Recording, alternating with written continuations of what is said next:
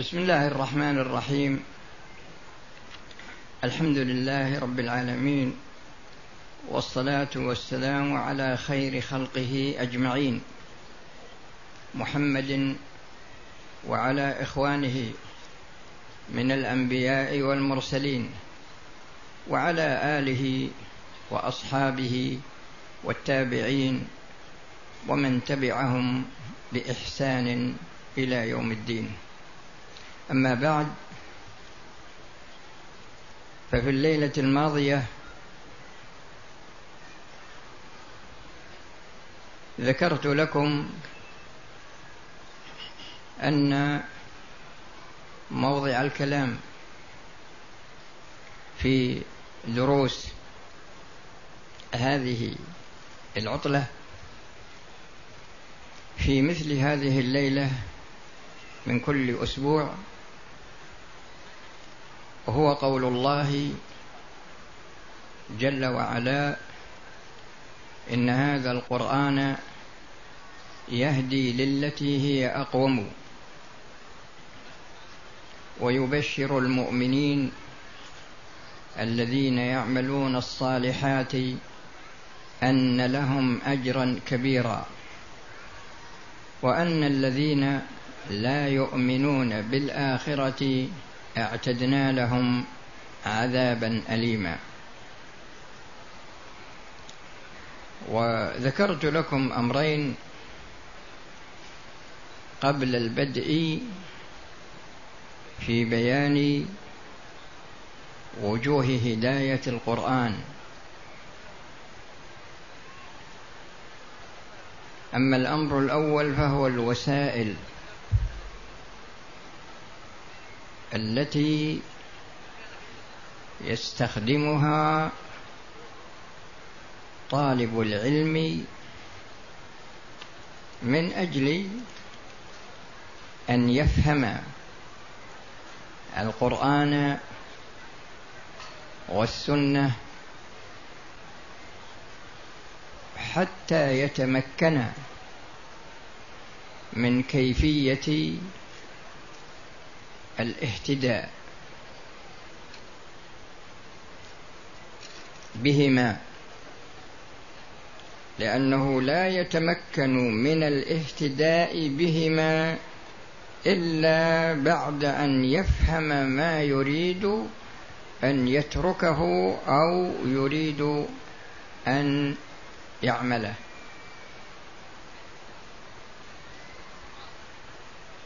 هذا هو الأمر الأول. والأمر الثاني ذكرت لكم نظر يعني أمرا عاما في القرآن وفي السنة. وهذا الأمر هو أن الله جل وعلا لا يامر إلا بما فيه مصلحة ولا ينهى إلا عما فيه مفسدة. وإن حصل استثناء من باب الأمر أو استثناء من باب النهي فهذا راجع إلى إلى الله بالنسبة للقرآن وإلى السنة بالنسبة للرسول صلى الله عليه وسلم فقد قال تعالى وما آتاكم الرسول فخذوه وما نهاكم عنه فانتهوا. ووجوه هداية القرآن كثيرة. وسأقتصر على جملة من الوجوه في هذه العطلة. الوجه الأول من وجوه هداية القرآن أنه يدل على أن هذه الشريعة شريعة عامة للإنس وللجن. فمنذ أن أنزل الله القرآن أرسل الرسول صلى الله عليه وسلم وأنزل القرآن إلى أن تقوم الساعة. جميع المكل جميع بني آدم وجميع الجن كلهم داخلون في هذه الشريعة. كلهم داخلون في هذه الشريعة فلا يخرج عنها فرد من أفراد بني آدم ولا يخرج عنها فرد من الجن. كل شخص منهم مكلف بما يجب عليه لأن لأن الناس يختلفون في التكاليف. لكن كل شخص داخل في هذه الشريعة.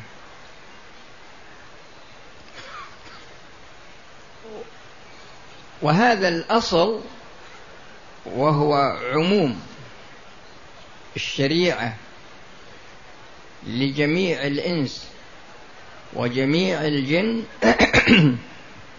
هذا ثابت بطريق الاستقراء. استقراء أدلة القرآن واستقراء أدلة السنة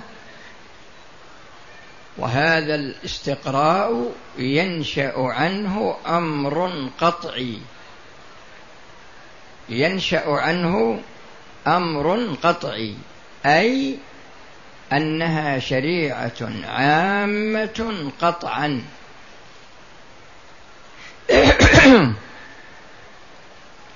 فمن ذلك قول الله جل وعلا في سورة الأنعام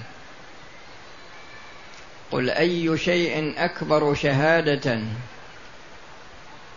قل الله شهيد بيني وبينكم وأوحي إلي هذا القرآن لأنذركم به ومن بلغ. فقوله جل وعلا ومن بلغ يدخل فيه كل شخص بلغته رسالة محمد صلى الله عليه وسلم.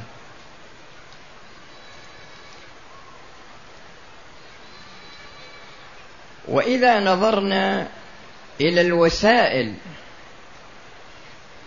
التي حدثت وهي في واقع الأمر هي وسائل تبليغ لهذه ال... ل... وسائل تبليغ للقرآن وسائل تبليغ لسنة الرسول صلى الله عليه وسلم. فجميع الوسائل التي تنقل مشاعر الحج وصلاة الناس في الحرمين في رمضان وتنقل خطبة الجمعة من هذا المكان ومن الحرم المكي يعني تنقل وسائل الهداية. تنقل وسائل الهداية قل أن تجد أحدا على وجه الأرض لم تبلغه الدعوة. وهذه الحوادث التي تحدث مثل ما يقع في الشيشان ومثل ما وقع في في أفغانستان ومثل ما وقع في في العراق. على كل حال الله سبحانه وتعالى يقول فكلا أخذنا بذنبه. هذا لا لنا شغل فيه. لكن الجانب الذي يحتاج إلى أن يتنبه له هو أن هذا وسيلة من وسائل تبليغ الدعوة. لأن الكفار يعني يدركون من هذه الحوادث أن هناك دين إسلام فتبلغهم الدعوة وتقوم عليهم الحجة. فجميع وسائل الإعلام الآن التي تنقل هذه المشاعر وكذلك إذاعة القرآن ونور على الدرب وموجود أيضا في دول أخرى تنقل أمورا عن الإسلام فالغرض هو أن الشريعة شريعة عامة وأن وسائل التبليغ متوفرة وبخاصة في عصرنا الحاضر ولا ندري ماذا يحدث من وسائل التبليغ في المستقبل.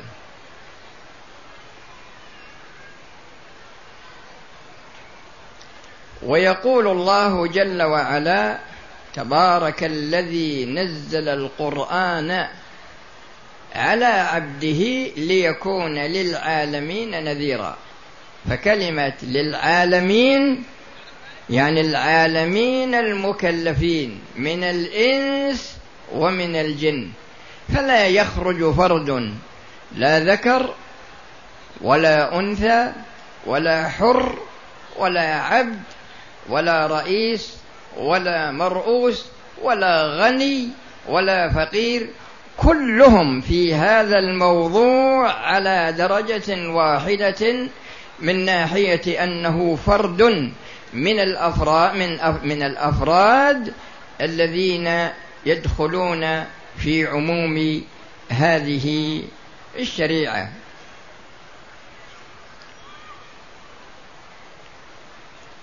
ويقول الله جل وعلا لنبيه صلى الله عليه وسلم وما أرسلناك إلا كافة للناس بشيرا ونذيرا فكلمة كافة للناس هذا دليل على عموم رسالة الرسول صلى الله عليه وسلم. عموم رسالة الرسول صلى الله عليه وسلم. فكل واحد من الناس داخل في كلمة وما أرسلناك إلا كافة للناس. فكل واحد مخاطب بهذه الآية من جهة أنه فرد من أفراد الناس ومسؤول عن معرفة هداية القرآن فيما يخصه وذلك من أجل أن يعمل به. ويقول جل وعلا إن الدين عند الله الإسلام. إن الدين عند الله الإسلام. ويقول في موضع آخر ومن يبتغي غير الإسلام دينا فلن يقبل منه. ومن يبتغي غير الإسلام دينا فلن يقبل منه. فهذه الشريعة شريعة نسخت الشرائع العام القديمة. ولهذا إذا نزل عيسى بن مريم صلى الله عليه وسلم إذا نزل في آخر الزمان فإنه يحكم بشريعة الرسول صلى الله عليه وسلم. فإنه يحكم بشريعة الرسول صلى الله عليه وسلم. هذا نبي النصارى. فإذا عيسى عليه السلام كما أنه من أولي العزم لكنه فرد من أفراد أمة محمد صلى الله عليه وسلم لنزوله آخر الزمان وحكمه بشريعة الرسول صلى الله عليه وسلم. ويوجد ممن هو جاهل أو أنه مغرض. جاهل أو أنه مغرض. يدعي أن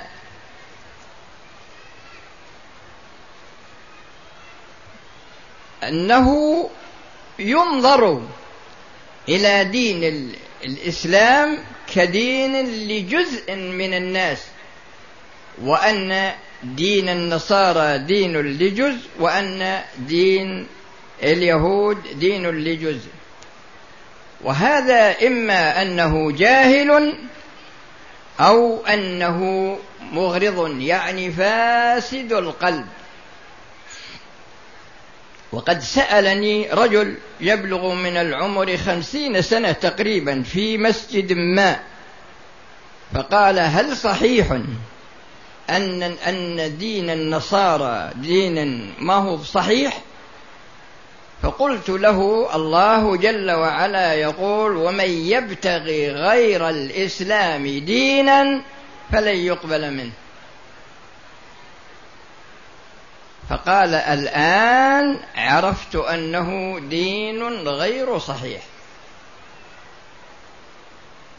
وبالنظر إلى موسى عليه السلام لما رأى الرسول صلى الله عليه وسلم ورقة من التوراة في يد عمر بن الخطاب قال ما هذه يا ابن الخطاب؟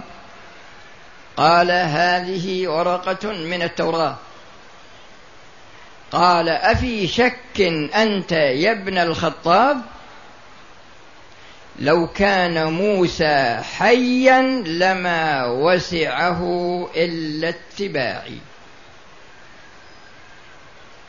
لو كان موسى حيا لما وسعه إلا اتباعي يعني لكان فرد من أفراد أمتي.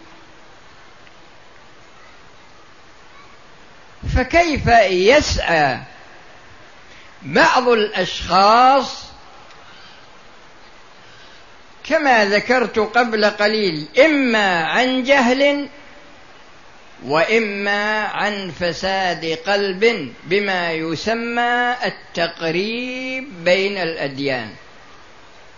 يعني قرب بين اليهودية والإسلام وقرب بين النصرانية والإسلام والله جل وعلا يقول ومن يبتغي غير الإسلام دينا فلن يقبل منه. ومن يبتغي غير الإسلام دينا فلن يقبل منه.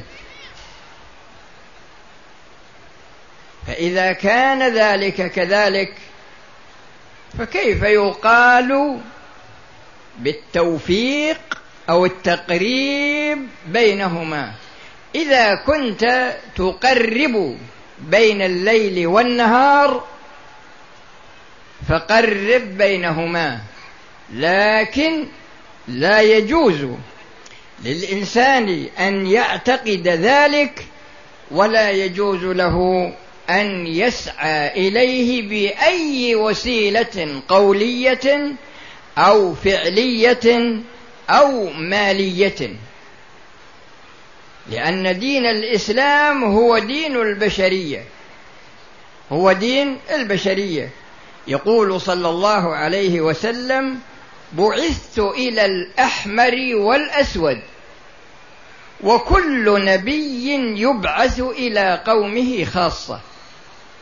بعثت إلى الأحمر والأسود وكل نبي يرسل إلى يبعث إلى قومه خاصة. فجميع الرسل وهم يزيدون على ثلاثمائة وثلاثة عشر رسول.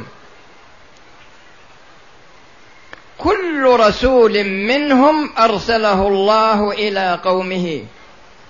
وما أرسلنا من رسول إلا بلسان قومه. فمسؤولية الرسول محدودة من جهة المكان ومن جهة الأشخاص. ولهذا تجد الرسولين في زمن واحد كإبراهيم ولوط. فإبراهيم مرسل إلى قومه ولوط مرسل إلى قومه.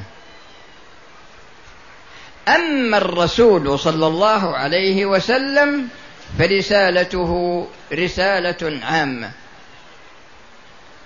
هذا من جهة رسالته للإنس. من جهة رسالته للجن يقول الله جل وعلا وإذ صرفنا إليك نفرا من الجن يستمعون القرآن فلما سمعوه قالوا أنصتوا؟ فلما قضي ولوا إلى قومهم منذرين.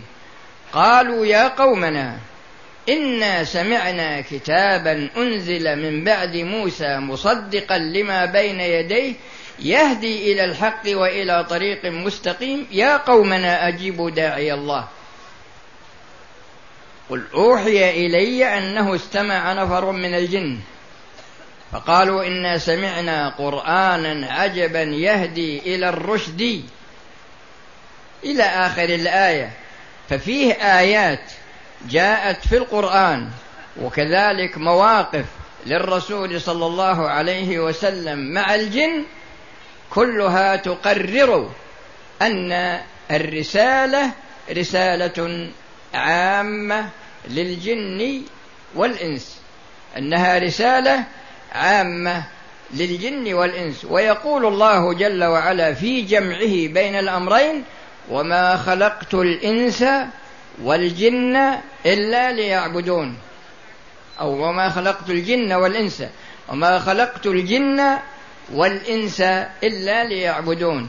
فجميع الجن منذ أن خلقهم الله إلى قيام الساعة وجميع الإنس يعني منذ أن خلقهم الله إلى أن تقوم الساعة كلهم مكلفون. لكن كما ذكرت قبل قليل الرسالة تكون خاصة أما رسالة الرسول وهي رسالة للإنس والجن. وكذلك رسالة الرسول صلى الله عليه وسلم فإنها عامة للإنس والجن. وبهذا يتبين وبهذا يتبين دلالة القرآن ودلالة السنة على عموم رسالة الرسول صلى الله عليه وسلم للإنس والجن. فأنت يا عبد الله فرد من الأفراد ولك حصة من القرآن تهتدي بها. فاحرص على أن تتعلم ما كلفك الله به فإنك ستنتقل عن هذه الحياة إلى الحياة البرزخية ثم تنتقل من الحياة البرزخية إما إلى الجنة وإما إلى النار. فإنه لا دار للمرء بعد الموت يسكنها إلا التي كان قبل الموت يبنيها فإن بناها بخير طاب مسكنه وإن بناها بشر خاب بانيها. فتقرر من جميع هذا الكلام الذي سبق أن أن عموم رسالة الرسول صلى الله عليه وسلم وعموم هداية القرآن أنها عامة للإنس والجن إلى أن تقوم الساعة وأنه ليس هناك دين على وجه الأرض سوى دين الإسلام. إن الدين عند الله الإسلام ومن يبتغي غير الإسلام دينا فلن يقبل منه وهو في الآخرة من الخاسرين. هذا وجه من وجوه هداية القرآن وسيأتي إن شاء الله وجه آخر في الدرس القادم. أسأل الله بأسمائه الحسنى وبصفاته العلى وباسمه الطيب الطاهر الذي إذا دعي به أجاب. وإذا سئل به أعطى وإذا استعين به أعان أن يجعل اجتماعنا هذا اجتماعا مرحوما وتفرقنا تفرقا معصوما والا يجعل فينا ولا منا شقيا ولا محروما وأن يصلحنا ويصلح لنا ويصلح بنا وأن يحسن عاقبتنا في الأمور كلها وأن يجيرنا من خزي الدنيا وعذاب الآخرة إنه ولي ذلك والقادر عليه. والحمد لله رب العالمين وصلى الله وسلم على نبينا محمد وعلى آله وأصحابه أجمعين. والآن نأتي إلى ما قدم من أسئلة. هذا سائل سائلة امرأة أحرمت من الميقات وكانت مشترطة.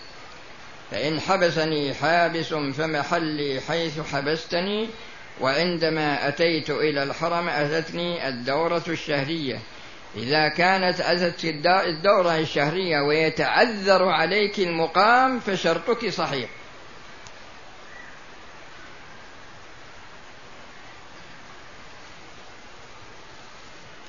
هذا يسأل عن قرآن الفجر المقصود به صلاة الفجر. تشهده إن إن قرآن الفجر كان مشهودا تشهده ملائكة الليل وملائكة النهار لأن كل واحد منا معه ملكان من صلاة الفجر إلى صلاة العصر وملكان من صلاة العصر إلى صلاة الفجر. الذي على اليمين يكتب الحسنات والذي على اليسار يكتب السيئات ويجتمعان في صلاة الفجر. يجتمعان في صلاة العصر ويجتمعان في صلاة الفجر. فقوله تشهده ملائكة الليل وملائكة النهار.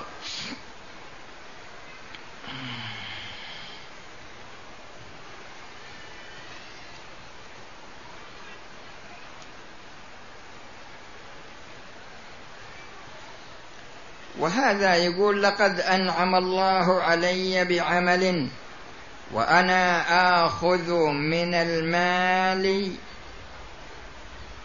إذا كنت تأخذ من المال الذي أنت مؤتمن عليه فلا يجوز لك ذلك والواجب عليك رده إلى مستحقه. أخذت عمرة. وعند التقصير أخذت مقص وقصيت من جميع إذا قصيت من جميع شعر الرأس فإن هذا يسقط عنك الواجب. إذا كان عيسى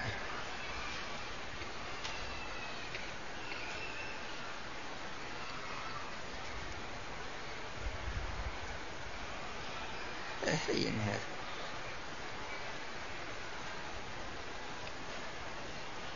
هذا يسأل عن الرضاعة والدتي أرضعت ابن أختي مع أخي.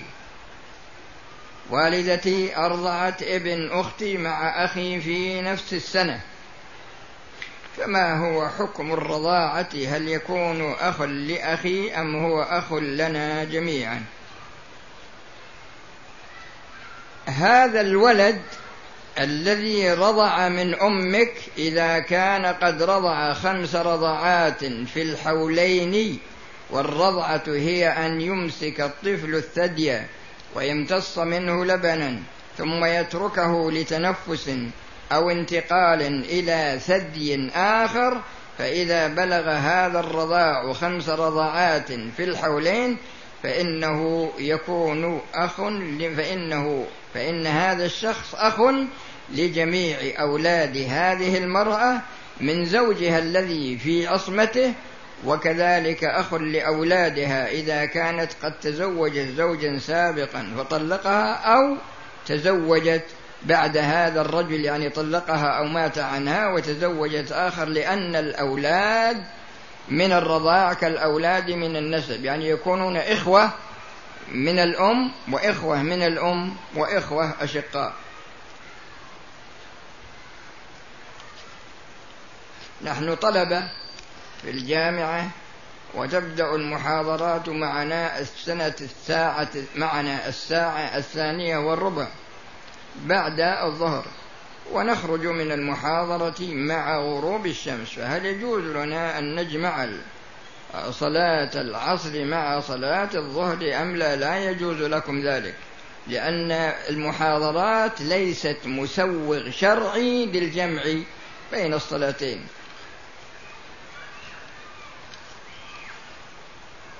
أنا شاب ملتزم وقد ابتليت بالعادة السرية. يا أخي أنا أنصحك بالزواج. حتى تزول عنك هذه.